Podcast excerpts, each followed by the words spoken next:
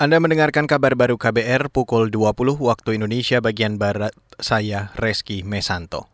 Saudara Presiden Joko Widodo memberikan sejumlah arahan terkait persiapan Natal dan Tahun Baru. Arahan Presiden itu disampaikan Menteri Koordinator Bidang Pembangunan Manusia dan Kebudayaan atau Menko PMK Muhajir Effendi usai rapat kabinet terbatas hari ini.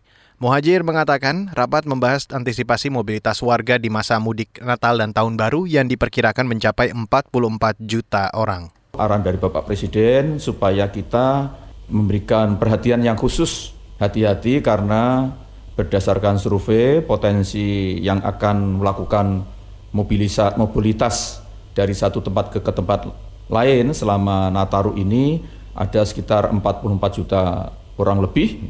Dan ini perlu disiapkan uh, oleh seluruh sektor yang terkait Menteri Koordinator Bidang Pembangunan Manusia dan Kebudayaan Muhajir Effendi mengatakan dalam rapat itu Presiden Jokowi juga meminta aparat kepolisian meningkatkan penataan lalu lintas. Presiden juga meminta kepastian dan kesiapan pasokan dan ketersediaan kebutuhan pokok selama Natal dan Tahun Baru, termasuk kelancaran pasokan BBM. Rapat juga membahas upaya menjaga keamanan dan kenyamanan ibadah Natal dan perayaan Tahun Baru. Beralih ke berita hukum, Saudara, Komisi Pemberantasan Korupsi atau KPK menahan Hakim Justisial di Mahkamah Agung Edi Wibowo. Ketua KPK Firly Bahuri mengatakan Edi ditetapkan sebagai tersangka ke-14 dalam kasus dugaan suap penanganan perkara di lingkungan Mahkamah Agung.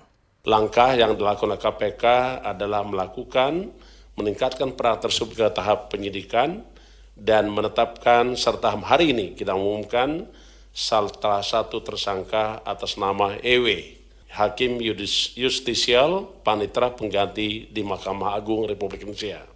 Sebagaimana tadi kami sampaikan, ada 13 orang tersangka yang sudah lakukan penan sebelumnya. Ketua KPK Firly Bahuri menjelaskan penetapan tersangka Edi Wibowo ini merupakan pengembangan kasus yang menjerat Hakim Agung Sudrajat Dimyati dan Hakim Agung Gazal Basaleh. KPK akan menahan Edi selama 20 hari hingga 7 Januari tahun depan. Saudara Komisi Bidang Pertanian di DPR menilai koordinasi tata kelola beras dari hulu hingga hilir masih bermasalah. Anggota Komisi Pertanian DPR Johan Rosian mengatakan lembaga seperti Kementerian Pertanian, Bulog, Bapanas hingga Kementerian Perdagangan tidak memiliki kesamaan pandangan soal kebijakan beras. Anggota fraksi PKS DPR ini juga mempertanyakan klaim Kementerian Pertanian soal surplus produksi beras yang tidak direspon baik oleh Bulog. 4 juta ton itu di lumbung-lumbung masyarakat. Nah, pertanyaannya adalah kenapa tidak diserap oleh pemerintah? Awalnya pemerintah dalam hal ini eh, blok ya mengatakan bahwa stok tidak ada. Setelah kita pastikan bahwa stok itu ada, maka kalau tidak cocok harga, kita punya HPP untuk membeli itu dan lain sebagainya. Jadi saya aja ingin katakan bahwa keputusan untuk melakukan impor beras ini adalah sebagai bentuk pengkhianatan terhadap kedaulatan pangan nasional.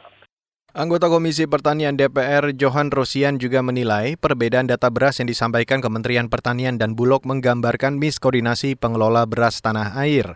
Sebelumnya Indonesia mengimpor ratusan ribu ton beras dari beberapa negara mulai Vietnam, Thailand, Myanmar hingga Pakistan.